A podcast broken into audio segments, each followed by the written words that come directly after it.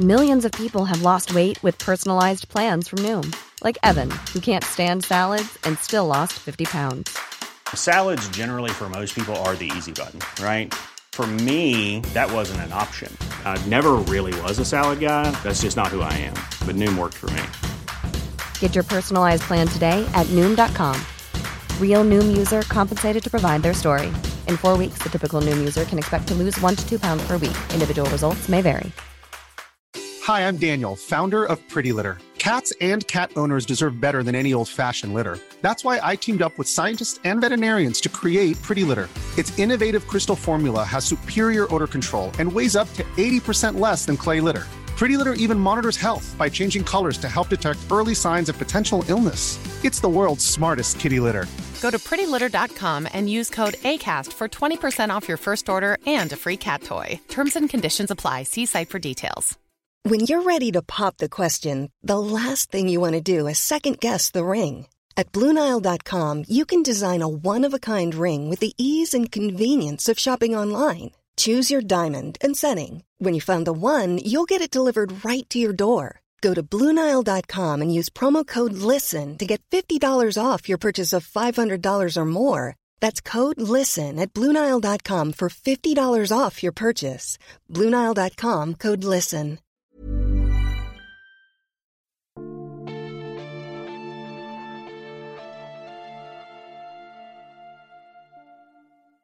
Välkomna till Sagan om Isfolket-podden avsnitt 19 Drakens tänder. Jag heter Dan och med mig har jag Anna. Hej Anna! Hej Dan! Vilken bok! Alltså den var helt fantastisk!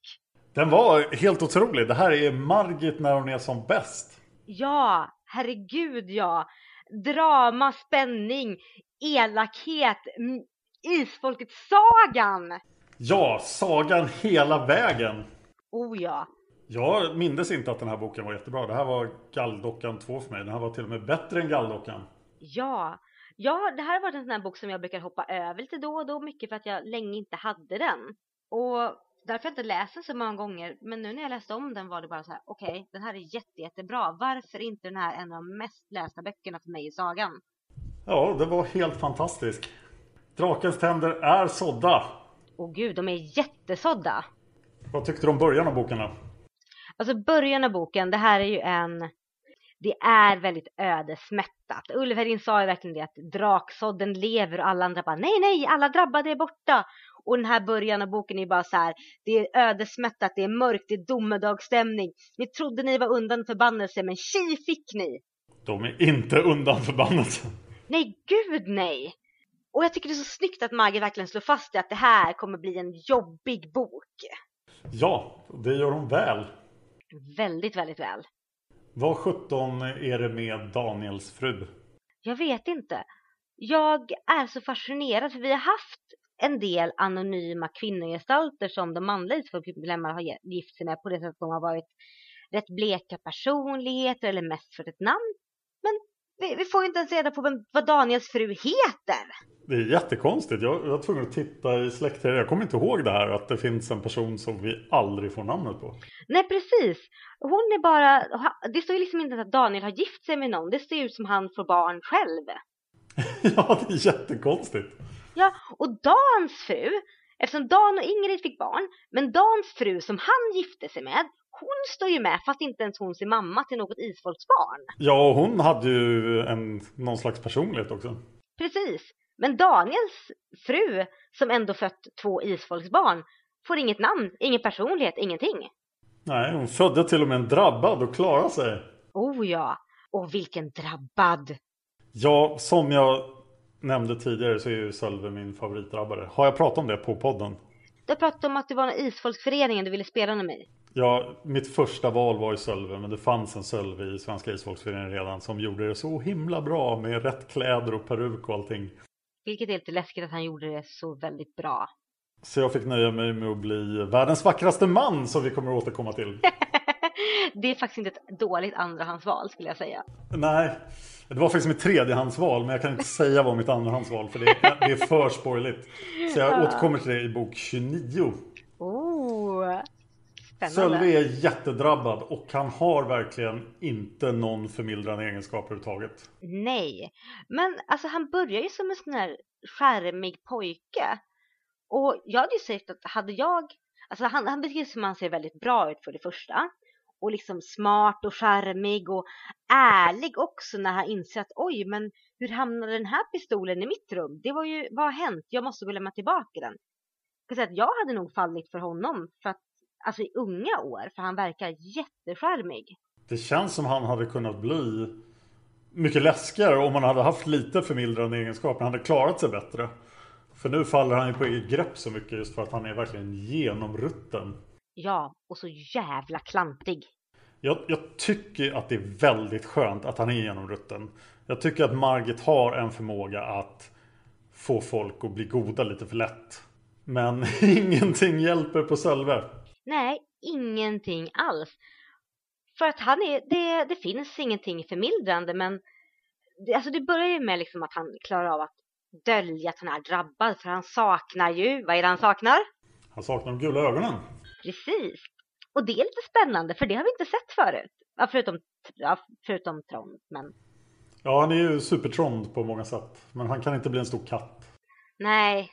Men hans kraft är ju helt obalanserad. Den är ju jättemäktig. Ja, för jag tänkte när jag började läsa liksom och hans kraft dyker upp, jag bara, men den är rätt fånig. Och sen inser man, kan han locka till sig vad som helst och vem som helst? Han får ju helt enkelt som han vill och det, det, känns ju som en ganska mäktig kraft. Ja, och jag tycker det förklarar väldigt mycket varför han blir som han blir. Han blir arrogant, han blir översäker, han blir riktigt, han blir en riktigt egocentrisk narcissist. Han har också den här solförmågan att få folk att se saker. Ja. Och jag antar att det är det han gör när han får kusken att spänna på hästen fel. Att han inte kan kontrollera folks hjärnor helt. Nej, precis. Att han får dem att tro att du gör rätt fast du gör fel, egentligen. Men han hade ju kunnat ta över hela världen med kraften om han bara hade fattat lite bättre beslut. Ja, precis. Och det börjar ju liksom hyfsat liksom så här bra på något sätt. De här små grejerna han gör, liksom, då känns det inte som att ja, men det här kan ändå kanske vara en hyfsat... Okej, okay, man vet ju att han kommer bli asond med en gång, men så att ja, men lite små saker. Han lockar till sig en piga för att bli med oskulden. Han fuskar sig igenom studierna för att få bra betyg. Men sen så någonstans så började det balla ur. Hans fall går ganska fort och vi har väl faktiskt inte sett någon drabbad som har varit så här genomond. Nej, vi har inte fått följa någon drabbad som är ond på det här sättet, om jag minns rätt. Nej, Grimar kanske är lika rutten, men Hanna hade ju förmildrande egenskaper hon också. Precis, och de har vi inte fått följa en egen bok. Det närmaste jag kommer på är Sol. I och med att Sol och Sölve har gemensamt de på ett sätt vill dölja vad de kan. Men medan Sölve vill dölja det för att han får större spelrum och därmed kan häxa hur mycket han vill. Så var ju Sol mer så att, ja men Tengil och Silje visste ju om att de sprang iväg till skogen med sin katt och trollade. Men, och, och hon, men det var liksom inte som att hon dolde vad hon kunde på ett annat sätt. För hon var väldigt liksom att, ja men jag har haft ihjäl en person. Ja, och Sol älskar ju sin familj också medan Sölve skiter fullständigt i alla. Ja, precis. Och jag undrar var det här kommer, för det verkar som han bryr sig väldigt mycket om sin familj ett tag. Men sen blir han bara så här, fast jag ska se världen och jag är mer värd än alla andra. Han blir, han blir så osympatisk för han blir så genomsjälvisk. Jag, jag, tycker det som sagt att det är bra vi ser det onda arvet i full blom här. Ja. Speciellt med tanke på hans son då, som vi ska återkomma till. Ja, men det är så här, jag menar Sol har ju vi sett slit och hon slet ju under att vara splittrad. Sölve mm. ger ju efter, han är ju bara ond. Ja, han är inte det minsta splittrad. Nej, det är så intressant att se hur han så här faller djupare och djupare ner. Ja, och man kan förstå att han inte vill träffa Ingrid Ulvedin. Nej, jag menar de hade ju sett igenom honom direkt och bara ah, kom här pojke lilla, nu ska vi leka med dig. Jag hade velat se det mötet. Oh, det hade jag med. Jag vill se en fanfic på det mötet. Ja, fanfic beställd. Vi har fortfarande inte fått någon så vi väntar. Vi väntar väldigt spänt. Ja, fanficen. Sölve åker faktiskt till Gråstensholm för att träffa Ingrid och Ulverin och vad händer då? Ja, Ingrid Ulheden bjuder in honom på fylleorgie. Åh herregud, åh, fylleorgie. Ja, kan vi prata om Ulf Hedins död nu? Ja, jag är ledsen Dan. Han levde inte så länge som vi ville. Eller du ville. Nej, jag kommer inte ihåg att han dog omedelbart. Alltså, han fick sitta och förtvina där i 20-25 år. Och sen får han vara ett år på Gråstensholm. Men han dog som en hjälte i en enorm fylleorgie. ja, det måste varit ett helt episkt år de hade tillsammans. Ja, det måste det ha varit. Ja, men jag tycker det känns, det känns tungt att vi tappade Ulf Hedin. Ja, och jag vill ju säga att vi faktiskt kommer att få reda på lite mer om vad som hände under det här året som de härjade på Gråstensholm. Oh ja! Men han är djupt saknad. Mm. Och i och med att han dör så har vi ju, så vill jag komma tillbaka till problemet med isfolkets gårdar. För vi har ju Gråstensholm, Ja. Och Lindalen. Och vi har Ingrid som sitter på Gråstensholm. ja. Och så har vi Elisabeth och Vemund och Uffe och Tora på Elistrand och Lindalen är utarderad. Ja. Och kan vi alltså bara prata om att vi pratar om de tre gårdar som, isfo- som blir isfolkets nya vagga efter att de flydde från dalen. Och att jag blir så jädra sur på den svenska grenen som bara, vi sitter hellre borta i Sverige och typ följer en adelssläkt som vi har typ noll lojalitet mot egentligen, för de är mest bara dumma. Bara för att Margit gillar dem. Ja, men lite så. Jag förstår inte hur den svenska grenen resonerar, för de är ju djupt oroliga att någon måste ta över Gråsensholm. Jag bara, ja, ni kan flytta dit. Och här märks ju Margit igen att hon har läst på om Johan Gabriel Oxenstierna. För hans, hans eh, bidrag i den här boken känns ju lite tveksamt. Ja, det känns som att det känns som att hon vill ankra an Sölve i en känd historisk person. Jag kan förlåta henne. Jag kan förlåta henne det också för att det blir rätt, det blir rätt fint på ett sätt för eh, kontrasten mellan Johan Oxenstierna som den här jag går och drömmer om den sanna kärleken och jag är en romantiker karaktären och Sölves så jag vill bara ha mer och mest jag tänker utnyttja alla som kommer i min väg personen blir det väldigt intressant. Ja. Så jag kan förlåta henne det väldigt mycket. Så Sölve åker till Wien där han tror att lyckan finns. Ja, jag förstår bara inte varför riktigt han... Han är så självisk. Ah, Ja men om han stannar så måste han ju ta hand om en av gårdarna och då kommer han att stöta på Ingrid. Och det vill han inte. Han borde kunna Just skicka det. Ingela till Norge i och för sig. Och ta den svenska gården.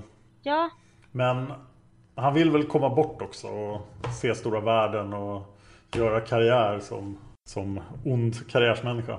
ja, precis. Och det, alltså jag förstår ju honom. Och Han är ung och han ser bra ut och allting. Men det känns som att när han kommer till Wien så börjar det ju verkligen balla ur på allvar. Ja, men jag gillar hans onda planer och alla hans trick han har för sig där. Han är verkligen så här, haha, jag har den här kraften och jag ska använda den. Ja, men måste han vara så korkad? Han kunde ju vara lite mer strukturerad och typ planera Ja. sin verksamhet lite. Lite grann. Men det funkar ändå för att han är ju arrogant, han är ju för självsäker, han är egocentrisk och ond. Mm. Jätteond. Jag tycker ju på ett sätt om när han råkar ha ihjäl den här sin arbetsgivare av misstag. Ja, med voodoo. Ja, och det är lite spännande för voodoo tycker jag är så här, det känns lite jag förknippar inte alls voodoo med Norge men Jag tror att det finns i andra kulturtraditioner också än just voodoo.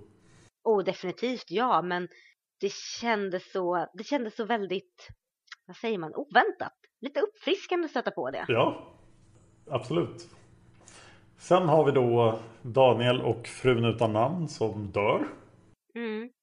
Och det tog ett tag innan jag reagerade över att Daniel var borta faktiskt. Ja, det var lite sorgligt. Ja, det var först när jag bara så här, ja men han dog ju och det var inte så viktigt. Sen bara, fast Daniel, alltså Daniel så, som var med i liksom Dödens trädgård som reste, Ingrids son Daniel, då började hjärtat göra jätteont. Var inte han väldigt ung också? Jo, det var han väl. Vad dog han av? Det var väl sjukdom. Ja, det måste ha varit. De fick hosta. Han är 32 år äldre än Sölve och Sölve var väl 25 då kanske. Så att, ja, strax innan 60. Ja, det hände säkert hela tiden på 1700-talet. Inget isfolksblod där. Lite oväntat att vi har en isfolksperson som stryker med en sjukdom.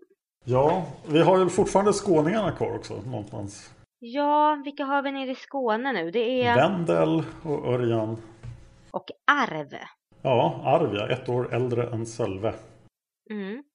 Och Elisabeth fick vi följa i förra boken. Just det, och Kira och Mar eh, håller ju fortfarande igång. Tack och lov för det. I Sibirien. Ja. Oh.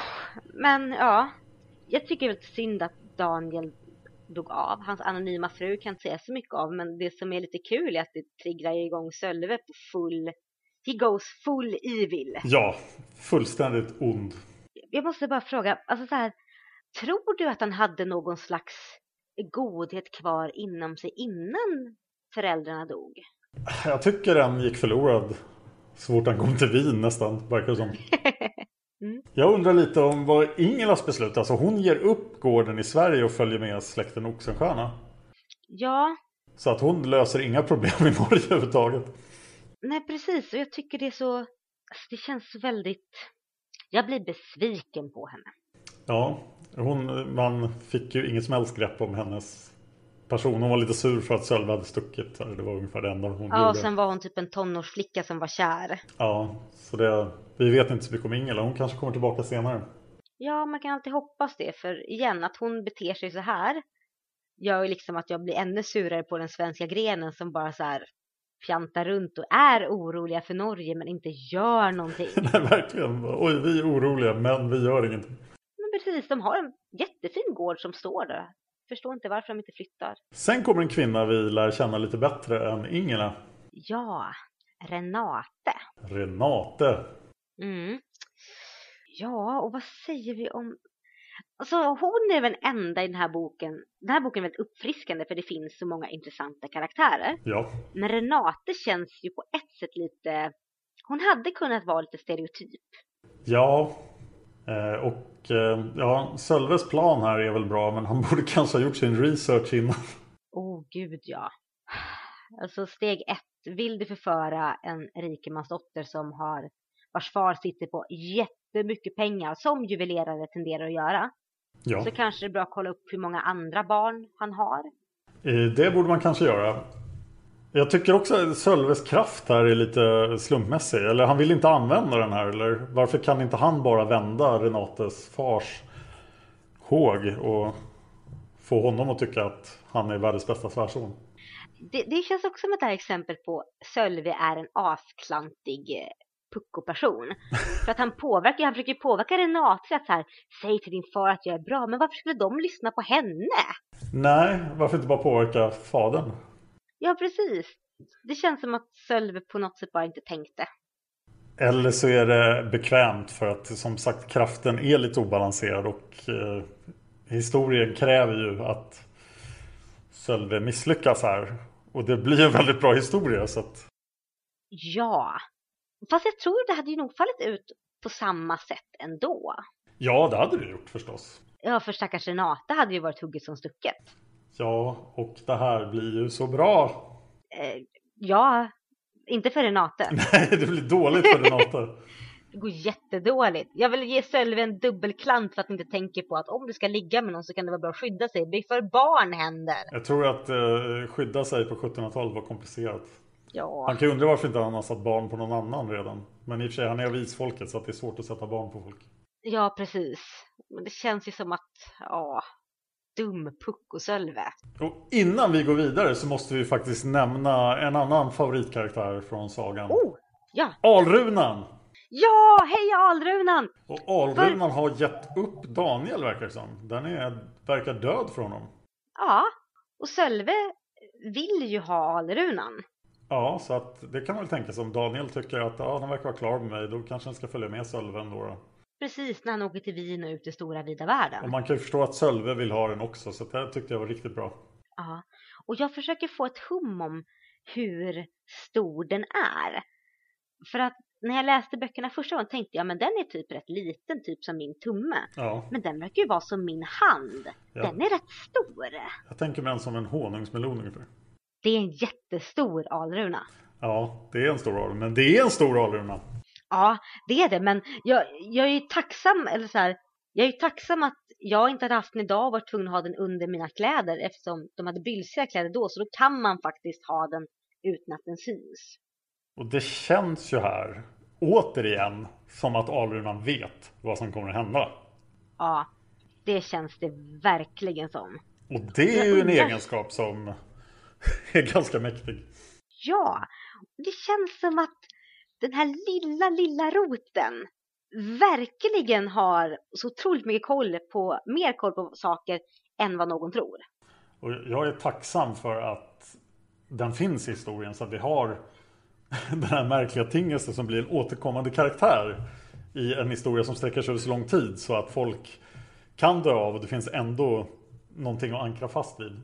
Ja, men precis. Och också att den, eh, trots att den ändå liksom i de första böckerna inte var så jätteviktig, att den faktiskt ankras an väldigt väl från det att den dyker upp och ändå den har pratats om i de böckerna den ändå var borta. Ja, och att den nu är... Den vet precis vart den vill. Ja, precis. För vart vill den någonstans? Ja, här kommer ju då den stora twisten i boken. Det här är ju någonting som aldrig hänt tidigare. Och när, när Karlberg då, den här friaren, Renates man som han blir till slut, när hon tar Ja. honom för att hon inte får någon annan. Nej, precis. Hennes, och Sölve har ihjäl hennes föräldrar också. Ja, och han kommer med det drabbade barnet. Det är så mäktigt. Ja. Det är så mäktigt ögonblick. Ja, och det är så bra för man var inte beredd på det. För det har aldrig hänt att en drabbad fått ett drabbat barn. Nej, och här tycker jag också Sölve gör helt fel. För att vi har ju sett band mellan drabbade. Alltså det här kunde ju bli hans Grimar till hans Hanna. Precis! Här hade han ju kunnat göra något jättebra om han hade fostrat den här drabbade som uppenbarligen har helt andra förmågor än han har. Ja, Till att bli hans tjänare. ja för liksom, vi har ju kombon. Liksom, Hanna Grima för det första, men Tengil Sol var en hyfsat bra kombo också. Ja, Ingrid Ulvedin för den delen. Ingrid och Ulvedin för den delen, herregud. Och Sölve bara, nej men jag tänker misshandla sönder mitt barn. För det, det är så jag får makt istället för bara, du får en gratis minion. På riktigt. Ja, du får en gratis liksom, minion med massa Ja. coola krafter. Men han är en total skitstövel. Mm. Och bestämmer sig då för att flytta till det här huset, skaffa den där blinda sköterskan och bara behandla stackars Heike illa. Och han sätter honom i en bur också. Ja, Mm. Wow. Men jag funderar lite grann. Sölve är ju rätt ung här. Ja, han är väl 30 i slutet av boken. Så att han är väl 20, ja, strax över 25 här. Jag tänker att om, man, om det här hade hänt när han var... För att de flesta band mellan drabbade är ju mellan en väldigt mycket äldre och en väldigt mycket yngre. Ja, Sölve kanske bara var för ung för att faktiskt ha koll på vad han skulle ha kunnat göra här. ja det är sant. Alltså, han fattar ju en massa dåliga beslut och det här är definitivt ett av de dåliga besluten. Oh ja, definitivt.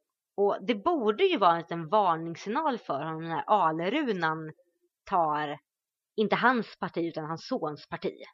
Ja, det är så mäktigt. Här är det Alruna har väntat på. Alruna bara, honom ska jag ha. Du ger fan Ja, honom. precis.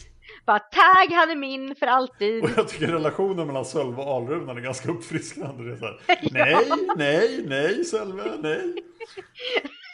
Det är som, jag tänker att Sölve är en, Sölve är en obstinat ilsken katt. Och Ja, Alerunan är en flygande vattenspruta som flyger runt och sprutar vatten på Sölve. Sölve bara, nej, psh, psh, nej, och psh, Alrunan nej. är ju 100% i här. Alltså, den vet allting han planerar. Den kan uppenbarligen läsa hans tankar. Ja, och kan agera på nära håll och på långt håll för den kan strypa honom. Ja, Det har vi vetat att den kan, men den kan också framkalla illusioner. ja den, är, den härjar verkligen med Sölve. Ja, herregud, det känns som den bara legat och väntat på någon slags här, bara så här tyst och stilla väntat på, ja, på, på lille Heike. Den har väntat på lille Heike. Mm. Och det här tycker jag också är en fantastisk introduktion av en karaktär. Det här, vi får följa Heike från födseln och genom det här barndomstraumat. Och det här sätter ju verkligen... Vi lär känna Heike från första början. Oh ja, det gör vi.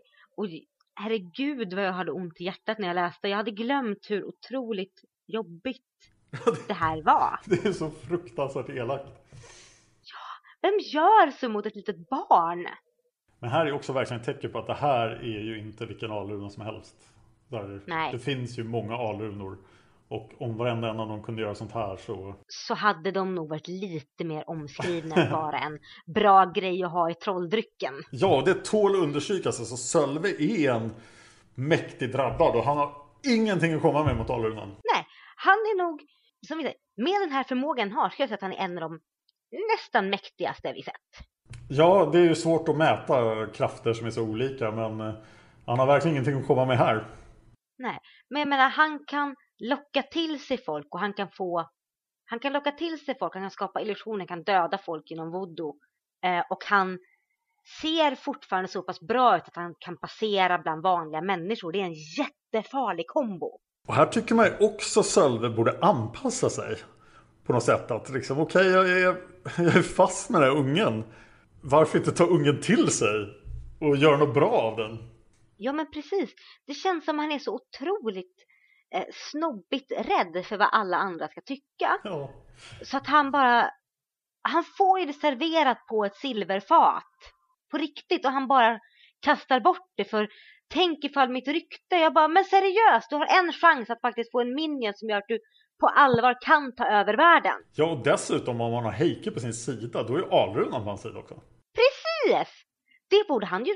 Jag menar... För han kan, han kan inte styra Alrunan, men Alrunan verkar bry sig om Heike jättemycket, så att utnyttja det istället. Precis, var snäll mot var snäll mot Heike, få Alrunan på din sida och säg till Heike med tiden att du gör det här så hjälper Alrunan dig. Ja, och även om Heike då som inte verkar ha samma ondska i sig så skulle han ju vara extremt påverkbar av sin far. Precis, för det är hans far. Ja, han skulle kunna slå i Heike vad som helst. Det är ju hans kraft också. Ja, ja men, ja. Och men Sölve bara klanta bort det. Och jag måste säga att jag tycker också det är jättemäktigt när Heike sitter och, och gallrar och han sjunger de här urgamla sångerna. Som vi ju ja. faktiskt, vi har ju sett det här förut. Det här ja. urgamla språk och gallrandet. Och det är i honom naturligt. Han bara sitter där, stackars sargade barnet liksom. Och... Nynna sina trollsånger. Och han är så ung. Och det händer Ingen ingenting. har lärt om detta. Det händer ingenting än. Vi har inte sett några krafter från honom. Nej, men han är ju så liten. Han är ju bara inte mer än nästan bara ett år när han kommer till Sölve. Ja, och sen får ju faktiskt Sölve en någorlunda...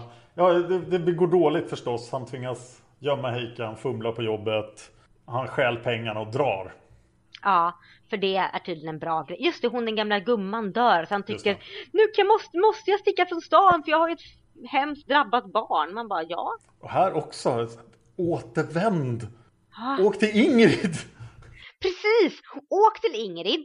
Läm vad är det han har emot detta? Ja, Ingrid kommer förmodligen tycka att du är ond. Ja. Men Sölve måste ju på något sätt, alltså arrogans måste ju på något sätt kanske tagit över till att han kan ju bemästra Ingrid för han är skitduktig. Ja, eller bara dumpa Heike och dra. Ja, det hade inte kostat honom någonting.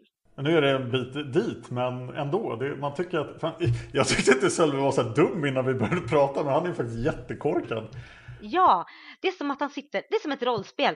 Nå ska du slå på ditt turslag och se vad du gör. Ja, okej, allting förutom en etta kommer göra så du tar det rätta beslutet. Jag slog en etta, så jag stjäl pengarna och drar. Jag, tyck, jag tycker beslutet han fattar att följa i Tengil fotspår är ganska vettigt ändå. Om han på något sätt kunde hitta Tengil och upprätta någon kontakt med honom så... Och, och kanske väcka honom. Oh ja. Och, och, en annan sak som är mäktig är att när, när, när det faktiskt blir det enda vi kommer i närheten av ett fader-son-ögonblick när han berättar isfolkets historier. Att det är fantastiskt. Ja, att han kan dem och, och lille Heike sitter där och trasig och jävlig. Men, men lyssnar uppmärksamt för det här är liksom det, det bästa i hans liv. Ja, och det, och det, säger, det säger någonting också liksom hur, hur mycket en isfolksk ättling än strävar bort från det sina och vill vara liksom, jag vill inte ha någonting med det onda arvet, eller ja, han är det onda, Sölve är ju det onda arvet, men jag vill inte ha med min familj göra. Så finns ändå det här bandet till släkten kvar så starkt att Sölve tycker det är viktigt nog att berätta för sin son om isfolket. Ja, och Heike får veta allting. Allting, och det är jättefint. Han kommer att minnas. Han kommer att minnas allt, varenda detalj. Eh, men eh, ja, mot Tengilonde då. Vad händer sen? Det är så intressant för att så här, jag blev jättepepp när vi läste Galgdockan om att när Dan spårade neråt, för jag bara, jag vill ha mer. Ja. Och här får vi mer. Ja, det går inte fort, men vi får mer. Ja, precis. Och i och med att Sölve är lite mer klantig än vad Dan är och inte en forskare så det ju inte samma systematiska grej. Men det som slår mig är att Tengil den onde reste genom Europa för väldigt många hundra år sedan. 500 år sedan. Ja, genom ett samhälle som i princip då förmodligen var rätt illitterärt. Och ändå lever de här skräckhistorierna om den här farliga mannen kvar. Ja. Det tycker jag, det, det, ger, det gav mig gåshud när jag läste det. Jag bara wow, ja är, han är ju så farlig. det är en fantastisk plantering då när vi får se den här onda drabbade som följer Tengilonde-spår Och hur mycket vi har hört om Tengilonde. Och nu börjar man ju verkligen undra hur hemsk är Tengilonde? Ja, det känns som att så här, att han nog är väldigt hemsk. Och nu har vi ändå sett en del hemska drabbade och fått ett hum. Men det känns som att, men om minnet lever kvar av honom 500 år efteråt så mm, det är ingen man skulle vilja stöta på i en mörk gränd eller en solig dag. Han är jätteläskig och viktigt också är att han är liten och ful. Ja, mycket liten och ful. Kom ihåg det, liten och ful. Ja. Mm. Och sen sumpar vi vagnen. Ja, alltså vad är det med Sölve? Han, det känns som han bara... Han har ingen tur alls. Han har all potential att ha världens mesta tur. Ja, eh, det känns ju som att det är självförvållat. Det är jättesjälvförvållat. Herregud.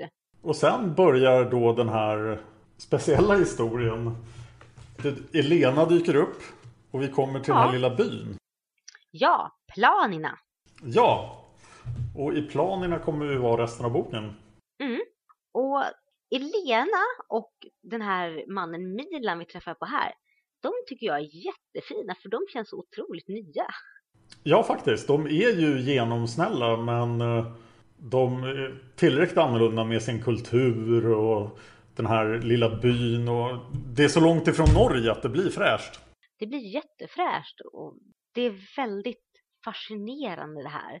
Men det spelar ingen roll att de är jättefascinerande för vi träffar ju någon annan här i byn. Ja, det finns ju då en legend och den visar sig ju vara ha substans för att runt den här byn så figurerar ett spöke. Ett mycket speciellt spöke. Ja, och jag vill påminna om att ni faktiskt har träffat det här spöket tidigare i podden när han dök upp bredvid mig när jag poddade och uttalade sig om ni kommer ihåg det. Vandraren i mörkret. Som nu här gör sin entré i sagan på riktigt. Ja, och eh, vandraren är ju fullständigt fantastisk. Ja, Och jag tycker, älskar den här introduktionen att han är ett lokalt spöke. Han har någonting med den här byn att göra. Vi, det spökar i byn och Sölve tycker, ja ett spöke, det struntar jag i. och de andra i byn bara, fast alltså det här spöket har funnits här jättelänge och vi vet att han finns. Det är liksom inget vi skämtar bort. Ja, och har de vet inte där. riktigt. Ja, han verkar ha funnits där så länge någon kan minnas. Och eh, de tror ju förstås, eftersom det är ett läskigt spöke, att han har någonting med någonting att göra. Att han förebådar död eller någonting sånt. Men Ja. de vet inte. Och att han förebådar död och olycka är en rätt logisk slutsats för han har alltid funnits där och vad ska man annars tro? Vad gör ett platsbundet spöke annars? Och ingen vet vad han gör där eller hur han kom dit.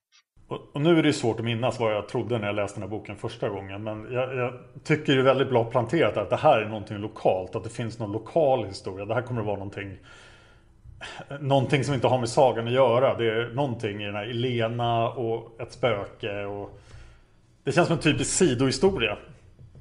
Men det Ja. är inte en sidohistoria. Det är faktiskt typ jättemycket. Och jag, för mig i alla fall vandrar en av de mest minnesvärda figurerna i hela sagan. Och eh, jag grät på tåget idag igen. Nej men Dan, vad har vi sagt om att läsa tänker på läsa tåget? upp den scenen bara för att jag, jag, jag kommer inte ihåg den.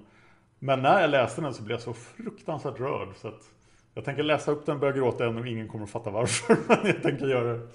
Det är okej, jag vill att du läser upp den. Ja, men vi har inte kommit dit än. För att snart ska det, det måste hända saker i byn då. Sölve är tvungen att stanna i Panina. Platna. Pani- Pla... Planina. Parmaost. Nej. Nej, Han är parmaskinka. tvungen att stanna i byn. Ja, Och han kan inte låta bli att skryta och verka viktig och hålla på.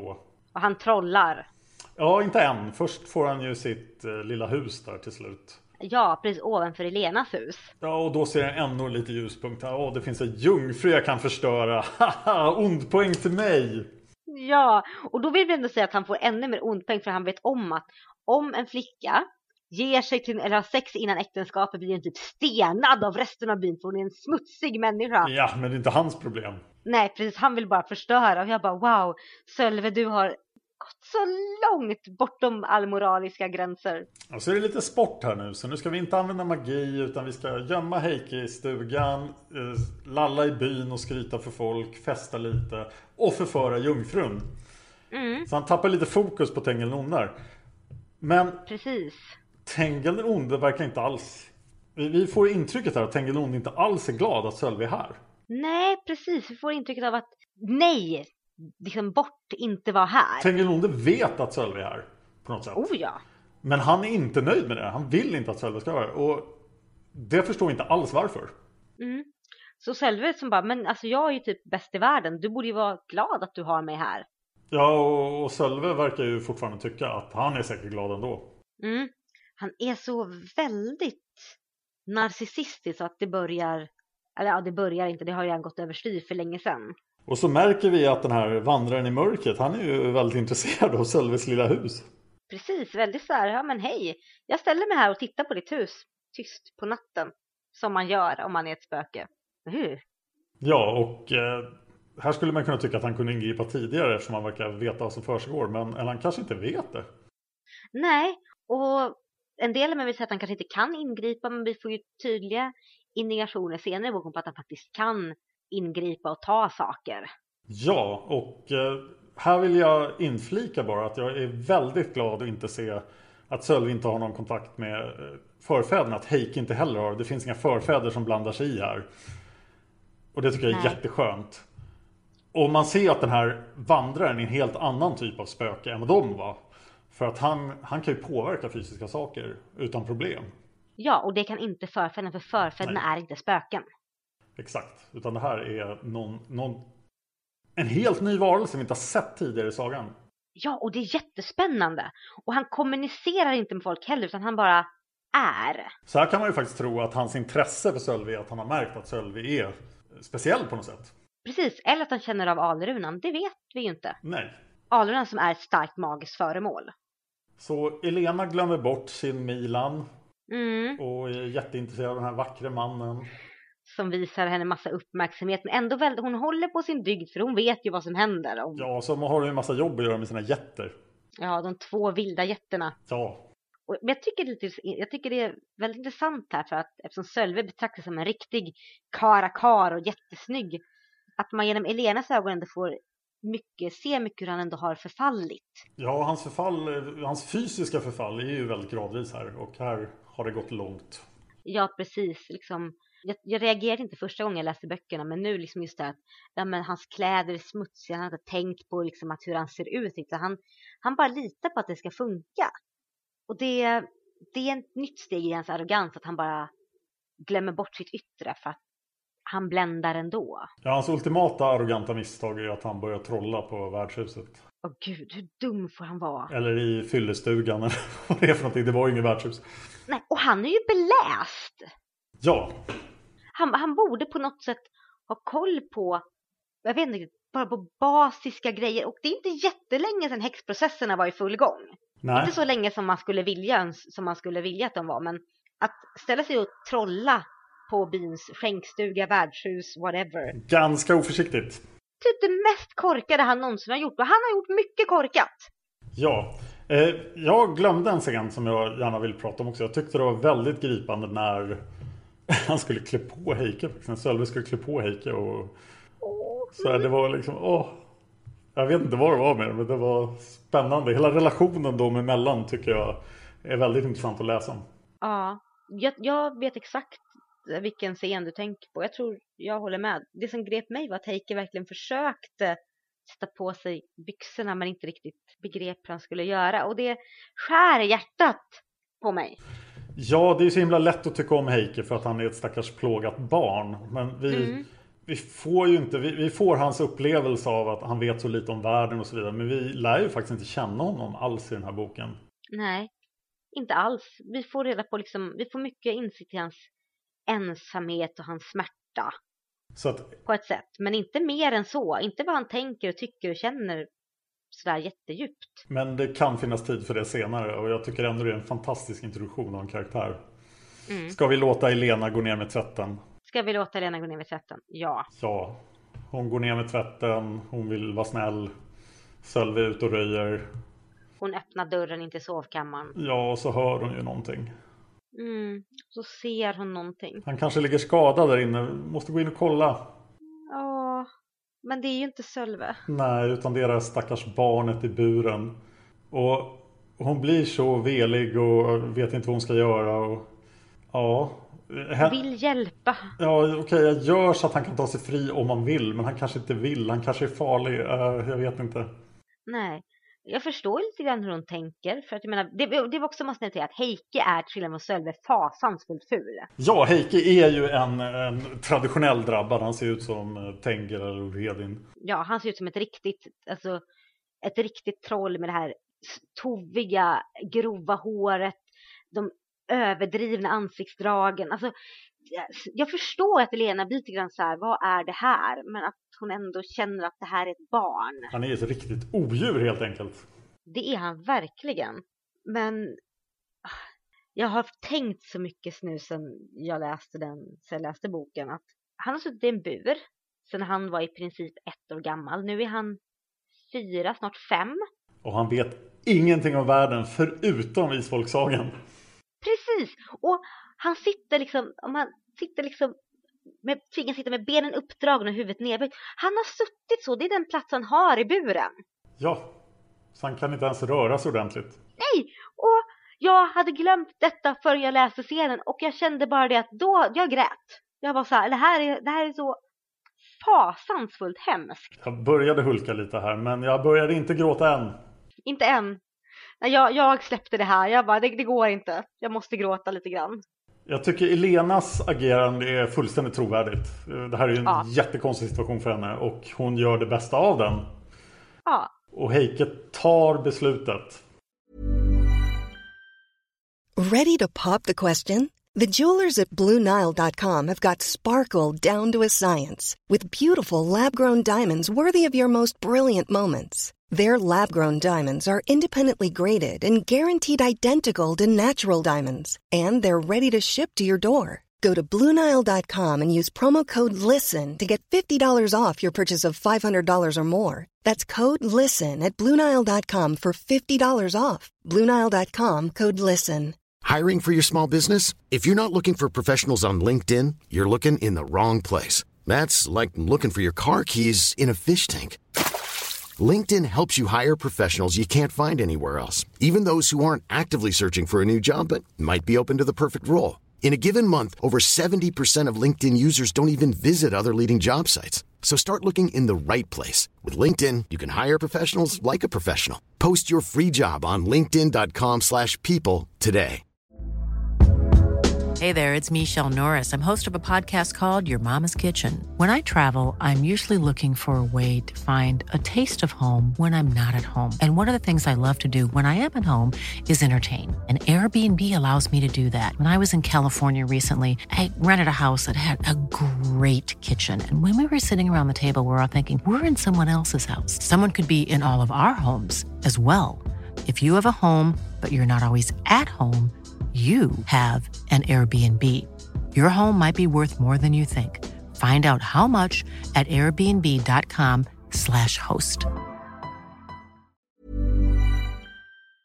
mm. att han ska ta den här chansen när han märker att buren till, eller dörren till buren faktiskt är upplåst. Ja, det är en helt ny situation för honom och han gör ett ödesdigert misstag. Ja, för vad glömmer han i buren? Han glömmer Alrunan, hans bästa vän, hans beskyddare, hans favoritleksak, hans allt. Ja, det är hans allt. Det enda positiva i hans liv. Ja, samtidigt så kan jag också tänka mig hans desperation när han tar sig ut och han kan ju inte resa sig upp, han kan ju bara krypa för att hans ben är ju stelnat i den här ställningen som han har suttit i så länge. Det är så tragiskt. Ja, och han måste försöka hinna ut ur rummet, försöka få upp dörren på något sätt. Han vet inte ens vad en dörr, hur en dörr fungerar nästan. Och sen ta sig därifrån och hur han rullar ner för gräslänten i desperation bara för att komma bort. Ja, så, Jag kan förstå att han glömmer sin alruna på ett sätt för att han, alltså flyktbeteendet är så starkt. och in i skogen, bara gömma sig, bara komma bort från Sölve. Sölve är allting ont. Vi vet ingenting om världen, men bara bort från Sölve. Och det är en bra idé. Ja, men det skär ju hjärtat när, han inser att han har, när man läser att han inser att han har glömt sin bästa vän. Ja, han är otroligt utsatt. Han är alltså ett barn som inte kan gå i en skog full med vargar och elände. Ja, i ett land han aldrig har varit i.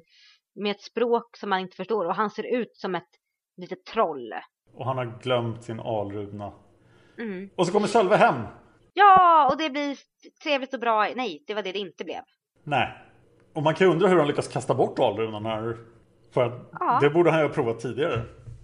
Men det kanske var så att alrunan, nu vill ju alrunan ut härifrån för den är ju inget värde av att stanna med Sölve. Betyder alrunan? För vi vet ju faktiskt att alrunan, trots att den är så mäktig som den är, inte kan förflytta sig. Nej, Det går långsamt.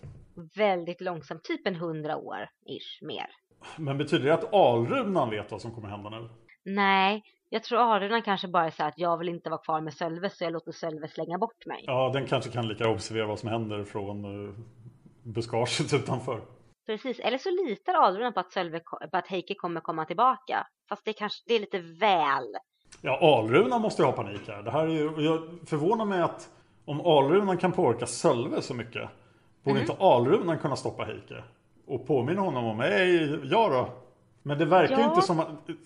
Heike verkar inte ha någon tanke om att alrunan lever. Den är bara varm för honom. Precis, jag tror han är så liten så att Han har ju inte kommunicerat med den. nej. Som tänker har. väl- Nej, och jag tänker väl kanske att alrunan på något sätt kanske anpassar sin kommunikation till att han i ett fall har att göra med en vuxen man, i ett annat har att göra med ett litet barn. Så att vi vet att alrunan kan Alrunan verkar kunna förutsäga framtiden men den kan inte förutsäga allt för det här är ju en situation där alrunan har borde ha total panik. Ja, det kanske var så att alrunan försökte typ, hallå Heike, ta med mig, men Heike var i sån panik att det inte gick fram. Ja, det ska bli intressant att se mer av faktiskt hur de kan Mhm. påverka varandra. Definitivt. Men, och Sölve bestämmer sig till slut för att han ska plocka upp alrunan igen. Ja, Men då är den inte där. Och då kommer vi fram till scenen som jag vill läsa. Ja, För vi har alltså, det vi vet då är att stackars Heike är alldeles ensam. Och allting är supereländigt, alrunan är borta. och så, ja, allting är misär. Ja. Eh, natten gled tyst förbi utanför hans grotta. Han vände sig i sömnen som för att finna mer värme. Månen var uppe och lyste på klipphällarna så de tycktes helt vita. Men det såg inte Heike. Han sov. I drömmen tyckte han sig se en människa som lutade sig över honom. I drömmen såg han upp på denna människa. Men han kunde inte riktigt urskilja den. Gestalten böjde sig ner och räckte fram alrunan mot honom. Heike tog den med ett litet leende av lycka och tryckte den mot sitt bröst. Det var alldeles otroligt vad den värmde. Alla sorger, allt ont och okänt blev med ens utan betydelse. Hans enda vän var hos honom igen. Men han har ju en till vän. Han har en till vän och det är bra. Förlåt, jag fick lite så här. Jag fick någonting i halsen. Pollen eller något sånt där. Och jag är så förtjust i Vandraren i mörkret.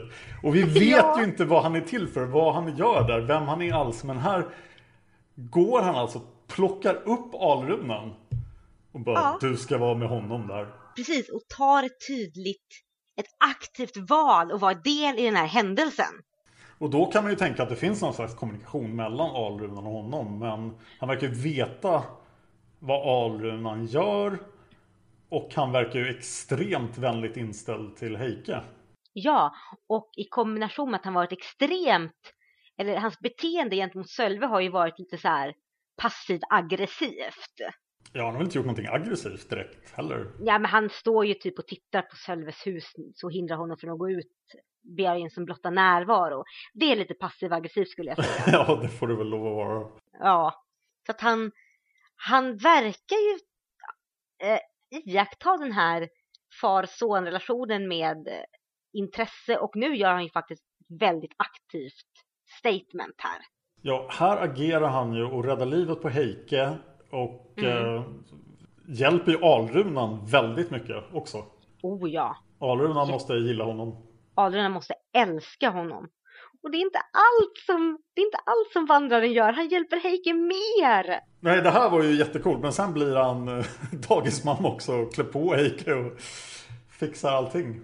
Fixar mat. För Elena, hon undrar ju fortfarande, men hon ser att Sölve och letar och gissar på att okej, okay, han har stuckit. Så hon lägger ut mat och kläder. Och jag vet inte, jag förstår Elenas reaktion, men ett litet barn som suttit i bur som är så litet skulle kunna hitta det. Ja. Jag förstår hennes reaktion på ett sätt, men samtidigt så tycker jag bara, ja, fast nu begär nog lite mycket av ett barn. Ja, men undrar om vandraren hade gått och hämtat kläder och grejer i alla fall. Jag vet faktiskt inte, annars hade ju det varit rätt kört för Heike. Ja, så han hade säkert agerat här. Och det här är ju, nu blandar han sig jättemycket. Han är verkligen jättemycket för att Heike ska klara sig. Ja, jättemycket. Han jagar ju liksom så här, går bredvid Heike och, och ser till att Sölve inte går nära honom när han kommer för nära och visar bort djur och sånt där. Det är ju verkligen, som säger, dagismamma. Ja, och då undrar man ju väldigt mycket vem vandraren är och vad hans agenda är. För vi vet ju att han har varit här jättelänge. Ja, och det byborna har berättat är att han aldrig någonsin ingriper. Han bara är. Nej, de, de vet inte någon händelse där han har gjort någonting. Nej. Och nu gör han saker hela tiden. Precis. Och det måste ju ha försvunnit folk här runt omkring i flera århundraden. Och hade någon blivit hjälpt av ett mystiskt spöke hade det funnits någon agenda om det. Så det här är ju unikt vad vandraren gör just nu. Han hjälper bara Heike. Så även om Heike är liten och eländig här i skogen så har han ju ganska bra med hjälp här. Ja, jag skulle säga att Heike, trots vargar, trots kyla, trots allt möjligt, har han det ju mycket bättre här ensam i skogen med galgdockan och eh, vandraren än vad han någonsin kunde ha det annars med Sölve överhuvudtaget. Och där skulle man kunna kritisera historien för att han har de här övernaturliga hjälparna. Men jag tycker att hjälparna i sig, Alrunan och Vandraren, är så otroligt mystiska. Att ja. det blir jättebra. Ja, och just för att Heike är så liten. Så att det funkar också att han är ett barn som får hjälp. Det gör det, gör det så otroligt sympatiskt och det gör att man får så mycket mer sympati för Adrian och för Vandraren. Trots att man så här, inte har någon koll på vad de vill eller deras motiv så bara, men ni hjälper ett barn, jag förlåter er allt ni har gjort. Ja, och sen stoppar han ju Sölve. Ja. Alrunan behöver inte ens ingripa, vandraren är först. Precis, och det är fräckt. Ja, och då inser Sölve att vänta nu. Och det här tar ju tid för honom att inse att så här, vänta Heike försvann, det var ju precis vad jag ville. Ja, men sen bara va? Jag måste hitta för... Ja, det känns ju som att han helt har eh, tappat förståndet här. Han har ja. verkligen glidit för långt ut. Då kan vi prata också om att hans jävla självömkan. Ja, han är så eländig hela tiden. Varför drabbar allting mig? Ja, jag som är så snäll. Ja, man bara fast alltså på riktigt. Du är ingenting att ha Sölve. Du har fattat fel Nej. beslut och du förtjänar det som kommer till dig. Ja, och du är inte snäll. Det är så här, det som, som, jag får läsa upp det vad Sölve tycker. Varför tog andefiguren Heikes parti? Hade inte varit riktigt mycket, mycket riktigt att, att den stackars Sölve hade fått hjälp. Han som var så förföljd och motarbetad av alla. ja. Jag känner bara så här, jag bara, men Sölve ta den här fiolen och spela på din lilla offerfiol för just nu han är så patetisk. Och Tengil struntar ju fullständigt i honom också. Han vill bara... Ja. ha bort honom. Och ingen av de andra verkar reagera på att Tengilonde finns i närheten heller. Nej, precis. Inte överhuvudtaget. För han finns ju verkligen i närheten här. Ja, väldigt nära. Närmare än vad man tror. Och det, det är jättespännande. Ja, den här långa införsäljningen av Tengilonde är fantastiskt bra.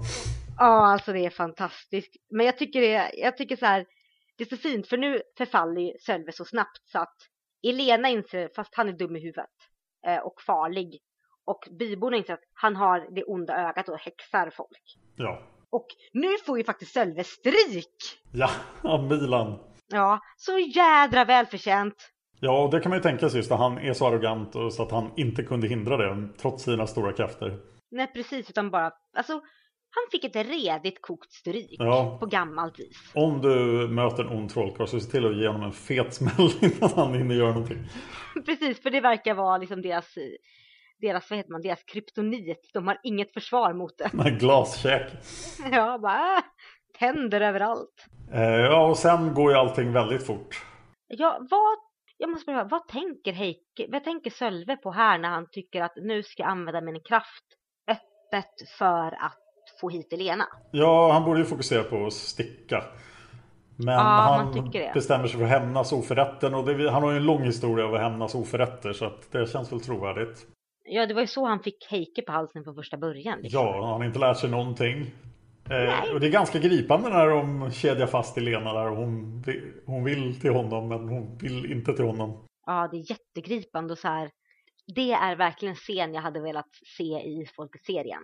Ja, Det här när hon är fastbunden i kyrkan och prästen och kvinnorna som mässar i kör, männen som bara, vi vet ju att det är han, vi springer ut, vi måste hitta den här hemska trollkaren, nu jädrar! Den arga mobben är liksom på språng. ja. Fullständigt fantastiskt. Och här hejar man ju på mobben verkligen. Ta honom! Gör slut på honom! Precis, spöa honom, bränn honom, höglassar, allting. Och då har vi ändå aldrig hejat på mobben i de tidigare Isfolket-böckerna. Nej, Sölve har ju verkligen förlorat all sympati man någonsin kunde haft för honom. Ja, Hans plan känns ju ganska solid där egentligen. Han kan ju, om man fokuserar tillräckligt, använda sina krafter och klara sig ur det här. Och det är det han räknar med också. men har inte räknat med en sak. Nej, och här får vi lära oss att Vandraren i mörkret har ju inte bara agendan att rädda Heike, utan han, han är ganska skoningslös här. Ja, och det är lite, det är lite hemskt att läsa det här stycket. För att Heike, är, eller Sölve, är så väldigt självgod och tror att han ska klara sig undan hela tiden. Ja, Och vandraren som bara, nej. Och så, liksom, han låter Sölve tro att han klarar sig undan i typ några sekunder och sen så stoppar han allting och visar att du kanske är mäktig men jag är så mycket mäktigare. Ja och där har vi en fundamental skillnad mellan Vandraren och Alrunan. För Alrunan är ju bara intresserad av Heikes säkerhet.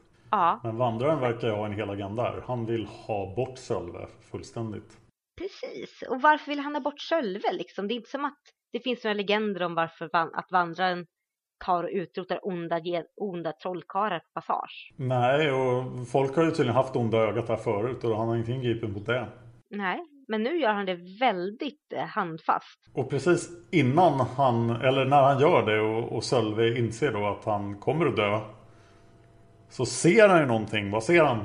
Och jag kan nästan inte ens säga det. Gud, jag får gåshud. Han ser var Tengil den ondes vilorum är. Ja, nu vet vi, men ingen får reda på det. Och Sölve dör. Ja! Det är så episkt! Och det är sån otroligt bra... Alltså det är sån chock för att man vet att han var någonstans, minst när han ser det, ingen annan kommer se det. Det är som en hink kallt vatten över mig när jag läste den meningen. Det var så här, åh herregud! Så nu vet vi att Tengil den onde kom till Norge och vi någonstans, efter han hade begravt sin konstiga sak där uppe i Isfolkets dal, så gav han sig alltså ner till hamnen och sen fortsatte han söderut. Till den här platsen. Till Planina och Adelsberg. Ja, som verkar fullständigt...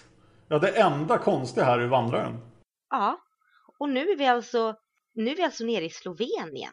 Ja, vi är långt, Vad långt. gör, vad gör vi här?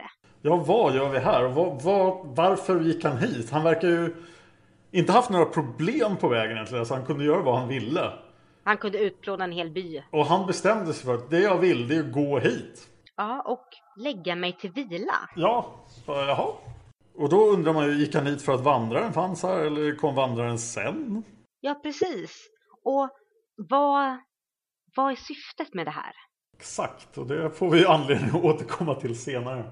Ja, men vi får inte reda på det mer här för här blir det ju en cliffhanger av rang. Margit lämnar den här bollen här. Ja, det är en fantastisk cliffhanger och vi vet ju av att vi har läst sagan, alltså de tidigare böckerna, att den här cliffhangern kommer ju förmodligen inte få någon upplösning snart. Nej.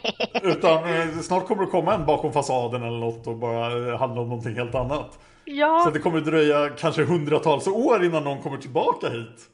ungefär kanske så. Eller inte. Men det är så snyggt. För man sitter ju verkligen som på nålar nu när boken avslutas och vi vet att Elen och vi får liksom veta att Elena och Milen hittar Heike och tar honom till sig.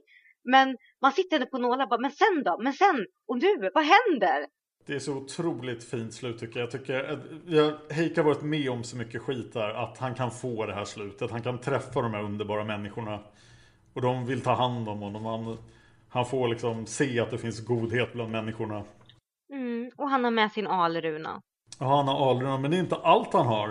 Eh, för jag måste få läsa slutet på boken också. Gör det. Men Heike var inte rädd för skogen. Det skulle snart förvåna alla i byn hur trygg han var när det gällde storskogen som alla fruktade.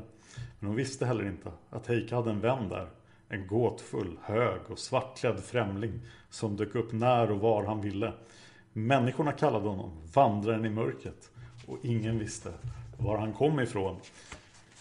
Åh, och det här är Margit på sitt bästa som sagt. Ja, det här är Margit på sitt bästa. Hela boken är helt fantastiskt väl uppbyggd och ja, det här är det här är essensen av isfolket. Ja, jag har ingenting att klaga på förutom att det är jättelång tid tills jag får plocka upp nästa bok och läsa. Och jag vill till protokollet föra, och jag ska återkomma till den punkten, jag tycker inte alls om Heike. Men, nej, jag tycker verkligen inte om Heike. Men här är han ju fullständigt fantastisk. Och det saknas totalt någon referens till nästa bok. Ja, helt och hållet. Vi lämnas här i någon slags vitt vakuum av vilket håll går berättelsen nu? För nu kan det komma som säger en bakom fasaden mellanbok. Kommer sagan fortsätta på det här episka spåret eller går vi någon helt annanstans? Nu, men, nu är vi nere i Slovenien. Ja, och vi kommer att ha en väldigt intressant diskussion nästa gång om Korpens vingar är en mellanbok eller inte. För i nästa avsnitt kommer vi ha en gäst. Ja, hurra! Och vi vet att Korpens vingar är en väldigt älskad bok av många. Mm, kanske det. Ja. Eller inte. jo, det finns många som älskar den, men det finns många som har andra åsikter också. Ja. men oj, jag är helt... Uh, ja, jag är känslomässigt berörd av den här boken. Jag är med dig. Jag är en känslomässig berg från tårar till skratt till ilska till glädje. Det är som man har sprungit ett maraton efter man läst den här boken. Och nu en eh, skamlös plugg. Jag gör ju en podcast om Game of Thrones som heter Game of Thrones Chat. Och den gör jag på samma dag som jag gör Isfolkspodden så länge Game of Thrones pågår. För två veckor sedan när jag gjorde Bakom fasaden så kände jag så här, äh, varför måste jag prata om den här boken när, när det finns något så fantastiskt som Game of Thrones? Idag kände jag precis tvärtom. Varför måste jag prata om Game of Thrones när jag kan prata om Sölve och Heike? Ja, eller hur? Ja. Men jag tror jag klarar av att prata om bägge. Så om ni gillar Game of Thrones så hoppas jag att ni provar att lyssna på Game of Thrones Chat. Finns på YouTube på kanalen Hard Nerd Café och finns på iTunes som Game of Thrones Chat. Alltså samtal om Game of Thrones. Nu ska vi prata mera Drakens tänder för vi har fått synpunkter. Det har vi verkligen fått. Vill du börja? Ja, första svaret kommer från Heike. Passande nog. Ja, Heike-Lisa. Ja, precis. Som svarar då på frågan vad du tycker om boken och hon skriver Den här boken väcker alltid speciella minnen hos mig. Första gången jag läste den satt jag nämligen i en garderob full med flyttlådor. Garderoben fanns i min mammas nya lägenhet dit hon flyttat efter mina föräldrars skilsmässa. Boken väcker känslor av ensamhet, uppbrott och nystart men ingen sorg. Tvärtom är minnena ganska mysiga, trots omständigheterna. Nu till boken. Berättelsen blir spännande nästan direkt när Sölve upptäcker att han är en av de drabbade och utforskar sina gåvor. Särskilt nu när jag läst boken några gånger så är det med obehag jag läser om hur Sölve börjar sin vandring från god till ond. Det här är definitivt en av mina favoritböcker. Men sedan jag själv fick barn så gör det så mycket ondra att läsa om lilla Heike som plågas av sin far. Bokens bästa ögonblick det obehagligaste ögonblicket är nog när Sölve dödar konsul med hjälp av en docka som han binder en tråd runt och sen sticker kniven i. Uh, rysningar. Det starkaste ögonblicket är när Sölve får se sin son för första gången. Det är fascinerande av att läsa hur chockad han blir och hans reaktion visar att han ändå inte är helt känslokall. Det ögonblick som väcker starkast moderskänslor är när Heike försöker sätta på sig ett par byxor som Sölve slängt till honom jag gråter för den stackars pojken. Det var så hjälplöst och rörande över hela scenen att jag stortjuter. Åh Heike, jag är helt med dig på den scenen. Oh, usch. Jag med. Mm. Jag fortsätter vad, vad hon skriver. Ögonblicket som kunde ha blivit det finaste är när Sölve sitter isolerad i sitt hem med Heike och för att fördriva tiden börjar prata med sonen och berätta Isaaks historia. Det hade varit ett perfekt tillfälle att göra Sölve god igen. Berättelserna och sagorna kunde knyta ett band mellan far och son och Sölve kunde släppa ut Heike i buren innan det gått för långt. Åh, vad jag vill det! Jag sitter verkligen och hoppas av hela mitt hjärta att Sölve ska börja älska sin son. Här måste jag inflika att jag är så glad att Sölve aldrig blir god. För jag, jag, tycker verkligen att det är störande att Margit gör de onda goda för ofta. Men inte Sölve! Nej, och jag håller ju med dig. Det har hänt väldigt många gånger att de riktigt onda har blivit goda väldigt snabbt. Men icke här! Aldrig Sölve! Nej! Jag fortsätter vad Heike skriver. Det mest spännande ögonblicket är när Heike äntligen lyckas rymma. Jag håller tummarna så de blir blå för lillgrabben och även här fäller jag många tårar. Favoritkaraktär? Det är Heike för hans utsatthet och godhet. Och faktiskt Sölve för att han är en intressant karaktär i sin iskallhet. Och sen hade vi en speciell fråga den här, till det här avsnittet som hette I den här boken är det en mystisk drabbad som gör entré. Vad tycker du om konceptet hemlig drabbad? Och Heike svarar Jag gillar när det är hemligt för läsaren och jag själv kan vara med och gissa. Som ett Trond. Jag gillar dock inte Sölve-varianten lika mycket. Här vet läsarna att Sölve är drabbad men Sölves omgivning vet ingenting. En sista tanke. Adrian hjälper Heike hela tiden genom att strypa Sölve så fort han försöker döda sin son. Men varför ingriper inte Adrian när Heike tvingas sitta i bur och Sölve petar på honom med pinnar? Varför, varför, varför? Jag tror jag kan svara på det. Ja. Alltså jag, tror, jag tror det är fel tolka Alrunan som god. Utan det vi har sett är att Alrunan fäster sig vid vissa personer och ser till att de överlever. Men det kommer inte hjälpa dem när de inte är i livsfara. Så jag tror att Alrunan, om den nu kan förutsäga framtiden, är, tycker att eh, det här är inte tillräckligt allvarligt. Det här kanske till och med är någonting som Heike måste genomgå. För att det, det skapar hans karaktär på något sätt. Så du säger att Alrunan är lite opportunist? Nej, jag säger att Alrunan är inte... Den är bara intresserad av att Heike ska överleva. Av några anledningar. Ah. Men den bryr sig inte om han lider. Ja, men det, det kan jag faktiskt köpa för det förklarar väldigt mycket varför Alrunan ingriper ibland och inte ibland. Ja, och sen kan vi tänka sig att det kostar på Alrunan att ingripa också. Så att den kommer inte att ingripa i småsaker. Precis. Men jag är nästan beredd att tolka det här som att den faktiskt eh, tycker att det härdar Heike eller någonting liknande. Men det har jag ingen grund för. Nej, men eh, det är en bra förklaring ändå. Nästa kommentar kommer från Mamma Tova. Vad tycker du om boken? Sölve var inte alls som jag mindes. Intressant att han faktiskt var en charmig pojke med medkänsla från början. Och även efter att han hade upptäckt sin förmåga. Han hade till exempel medkänsla för Johan Gabriel. Jag kunde bara minnas Sölve som otäck och ond. Det skapar ännu mer djup i denna bok. Men den här boken väcker så mycket smärtsamma känslor. Den blir värre och värre för varje gång man läser den. Jag mår så fruktansvärt dåligt av att läsa om Heike och allt han tvingas utstå från alla möjliga håll.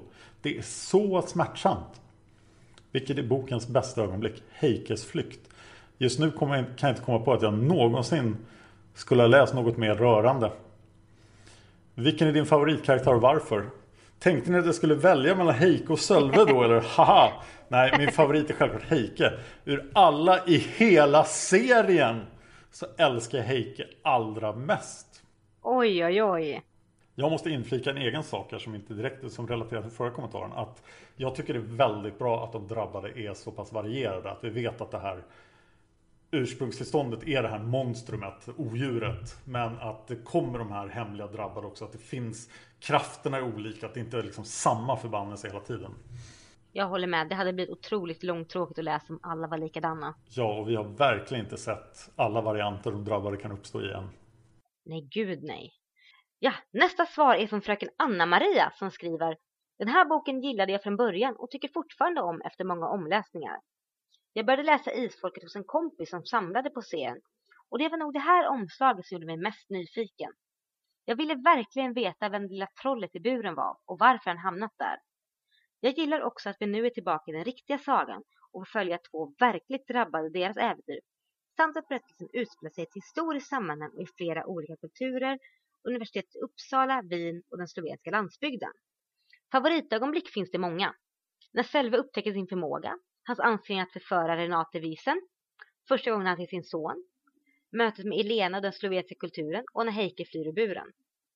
Favoritkaraktär är absolut Heike.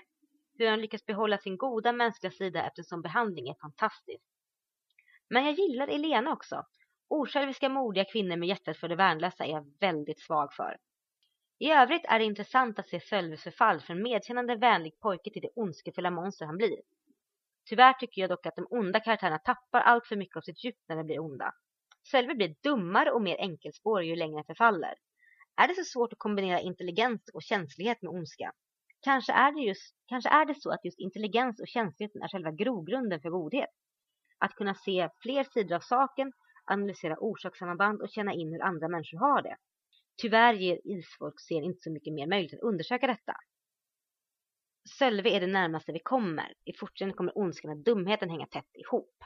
Mm. Sen har vi Hildemo som säger Vad tycker du om boken? Jag gillar denna boken skarpt. Det är en sån obehaglig tanke. På en drabbad ingen isfolk jag känner till. Tur att Alrunan höll ordning på honom. Och jag älskar den för att den är så viktig bok i isfolksagan. Vilket är bokens bästa ögonblick. Jag gillar ju när Sölve inser att han kan trolla. Magi är alltid coolt. När han mindtrollar den där flickan hem till sig. En hel värld av möjligheter öppnar sig. Scenen i huset när Heike ska fly är också en favorit. Ska Sölve komma eller inte? Vilket är din, vilken är din favoritkaraktär och varför? Sölve är rätt cool ändå. Superond och obehaglig. Men han kan lurtrolla och manipulera med folk. Det är häftigt. Heike också såklart. Men det är mer ömhet och medkänsla man känner från honom. I den här boken är det en mystiskt drabbad som är tre. Vad tycker du om konceptet hemlig drabbad? Jag tycker det är awesome! Det finns så mycket jäkelskap de kan ställa till med. Och det sätter fantasin i spel. Yay! Och så passar den norska kommentaren till dig igen! Yay! Det lyckas jag alltid åka på. Silja Angrimsdotter säger om boken. Detta är en av de verkligt Bra. bra böckerna i serien. Den är spännande, det är spännande att resa till nya land och kulturer och att höra om historiska städer och personer. Här är en drabbad helt utan det vanliga, något som är förfriskande samt som det också är förfärligt att följa utvecklingen som han gör. Det är skrämmande hur någon kan gå från att vara en ganska vanlig sympatisk pojke som är glad i familj och vänner till att bli ett sånt monster som torterar sin egen son och utnyttjar alla han kommer i kontakt med. Den bästa delen av boken är efter att de kommit till den lilla landsbyn i Slovenien. Jag har alltid varit fascinerad av denna delen av Europa och det är fint med ett besök här. Vilken liten skärva sympati man än måste haft för Sölve är ju borta nu. Vandraren i mörkret dyker upp som en oväntad och myskisk karaktär.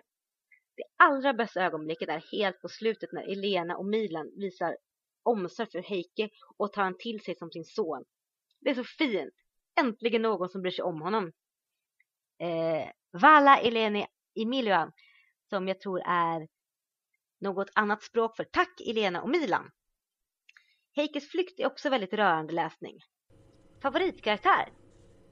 Jag vet faktiskt inte om jag vill kalla Sölve som en favorit. Han är lite för hemsk för det. Sättet han behandlat sin lilla son på är bara för hjärtkärande. Men Sölve är en intressant karaktär. Kanske allra mest för han är så olik alla andra i isfolket. Det enda som ligger lite liknande till är Trond, men han blir aldrig så ond. Så nej, jag tror favoriten i denna boken måste vara Heike. Stackars lille pojk. Så skönt att han har sina beskyddare i Alrun, Vandren och Elena som också är karaktärer som jag sätter stort värde på. Och Milan visar sig också vara en kämpekar. Ja, något sånt. Ja. Sen är det spoilers. Ja, så det hoppar vi över. Ja, precis. Men tack så jättemycket ni som svarade. Vi sätter jättemycket värde på att ni svarar. Det är helt awesome. Ja, tack för det. Vi har en väldigt spännande diskussion i Fel och missar-tråden. Så Mm. jag föreslår att ni går till den tråden för den här diskussionen är väldigt spoilig. Så om ni har läst ja, flera böcker till, åtminstone till 26 skulle jag säga, så kan ni läsa tråden.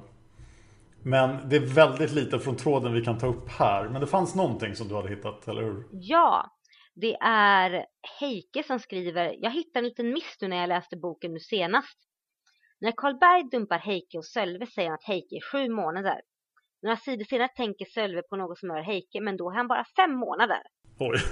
Och det stämmer helt plötsligt. Ja. Och det känns ju lite konstigt och det tror jag är en ren miss om, på Mar- om, från Margits håll. Det Det är på sidan också. 93 som Karlberg säger till Sölve, han är sju månader gammal. Och på sidan 96 tittar Sölve på Eike och tänker att det, håret är mycket längre än vad som är normalt för en fem månaders unge. Ja. Och det var det.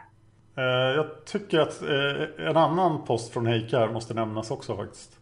Dels säger hon att Daniels fru nämns aldrig vid namn. Och sen säger hon att eh, släktträdet har en massa fel här. Att Tristans död står inte i släktträdet. Oj! Och att Madeleine och Sigrid kommer att drabbas av det också. Ska vi se om det står så i min bok. Och att den dödfödda dottern försvinner efter ett tag. På grund av Ja. platsbrist i släktträdet. Gabriella och Kalles dödfödda dotter. Det är samma i mitt släktträd. Och att det förmodligen beror på fel, alltså att det inte finns plats helt enkelt. Mm. Men just att Tristan och de har sina dödsår bortsållade, det hänger med i min bok. Och det säger jag bara att jag har en av de här, min Drakens tänder är en av de här böckerna som är tryckta, inte av Boknytt, men av Schibsted förlag. Aha. Så det här är ju ett fel som hänger med från förlag till förlag, vilket är lite tråkigt. Ja. De borde ha läst våra fel och missat tråden. För den här, många av synpunkterna här är från 2006. Precis. Eh, Jag vill ju också göra lite reklam för forumet. Eh, Ni går till isfolket.se och klickar på forum och där kan ni registrera er. Och ni har ju märkt här att vi ofta får kommentarer från Heike. Hon är en av de mest flitiga användarna på forumet. Och mamma Tova, Ja, och Heike var ju en av de första som skrev in sig på forumet. Och det är ingen slump att hon, när hon hade fritt val av namn på forumet, valde just namnet Heike. Kan jag berätta. Jag måste också påpeka att mina favoritkaraktärer i den här boken är som ni säkert har märkt eh, Vandraren och Alrundan.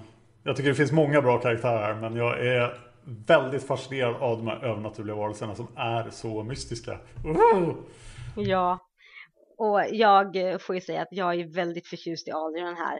Däremot så var jag inte beredd på att jag skulle känna så mycket för Heike som jag gjorde.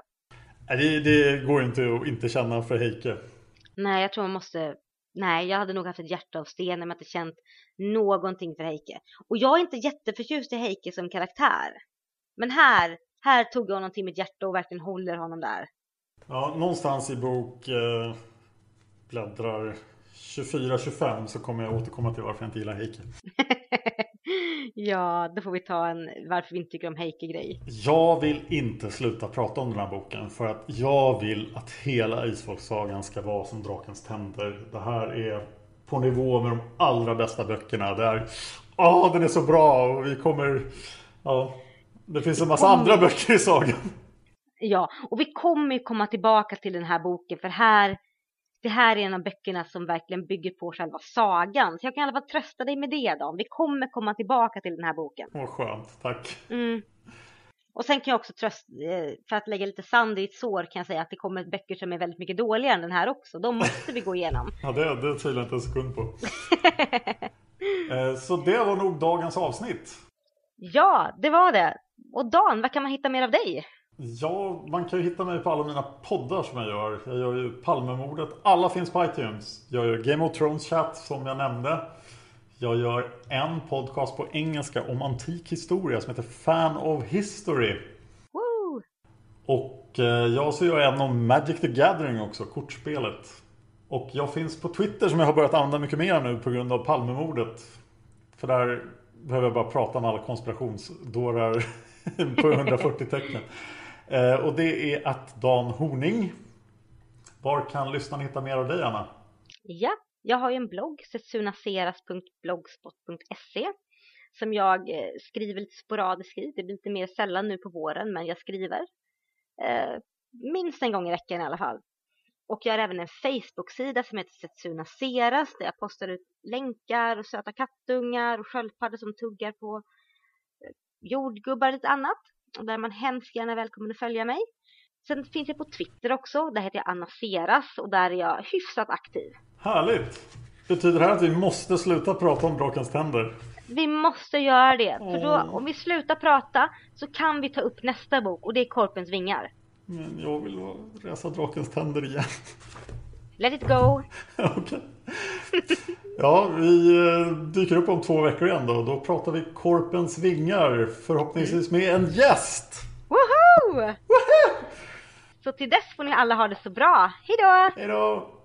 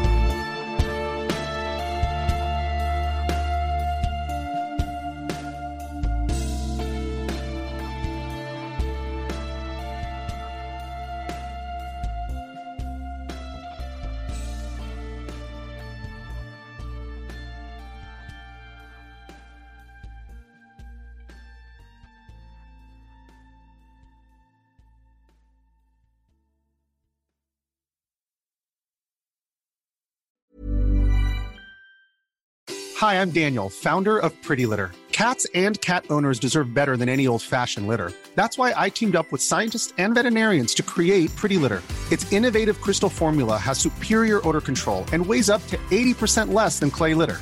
Pretty Litter even monitors health by changing colors to help detect early signs of potential illness. It's the world's smartest kitty litter. Go to prettylitter.com and use code ACAST for 20% off your first order and a free cat toy. Terms and conditions apply. See site for details. Hi, I'm Daniel, founder of Pretty Litter. Did you know cats tend to hide symptoms of sickness and pain? I learned this the hard way after losing my cat, Gingy. So I created Pretty Litter, a health monitoring litter that helps detect early signs of illness by changing colors, saving you money and potentially your cat's life. Pretty Litter is veterinarian developed, and it's the easiest way to keep tabs on your fur baby's health right at home. Go to prettylitter.com and use code ACAST for 20% off your first order and a free cat toy. Terms and conditions apply. See site for details. Even when we're on a budget, we still deserve nice things. Quince is a place to scoop up stunning high end goods for 50 to 80% less than similar brands. They have buttery soft cashmere sweaters starting at $50, luxurious Italian leather bags, and so much more. Plus, Quince only works with factories that use safe, ethical, and responsible manufacturing. Get the high-end goods you'll love without the high price tag with Quince. Go to quince.com/style for free shipping and 365-day returns.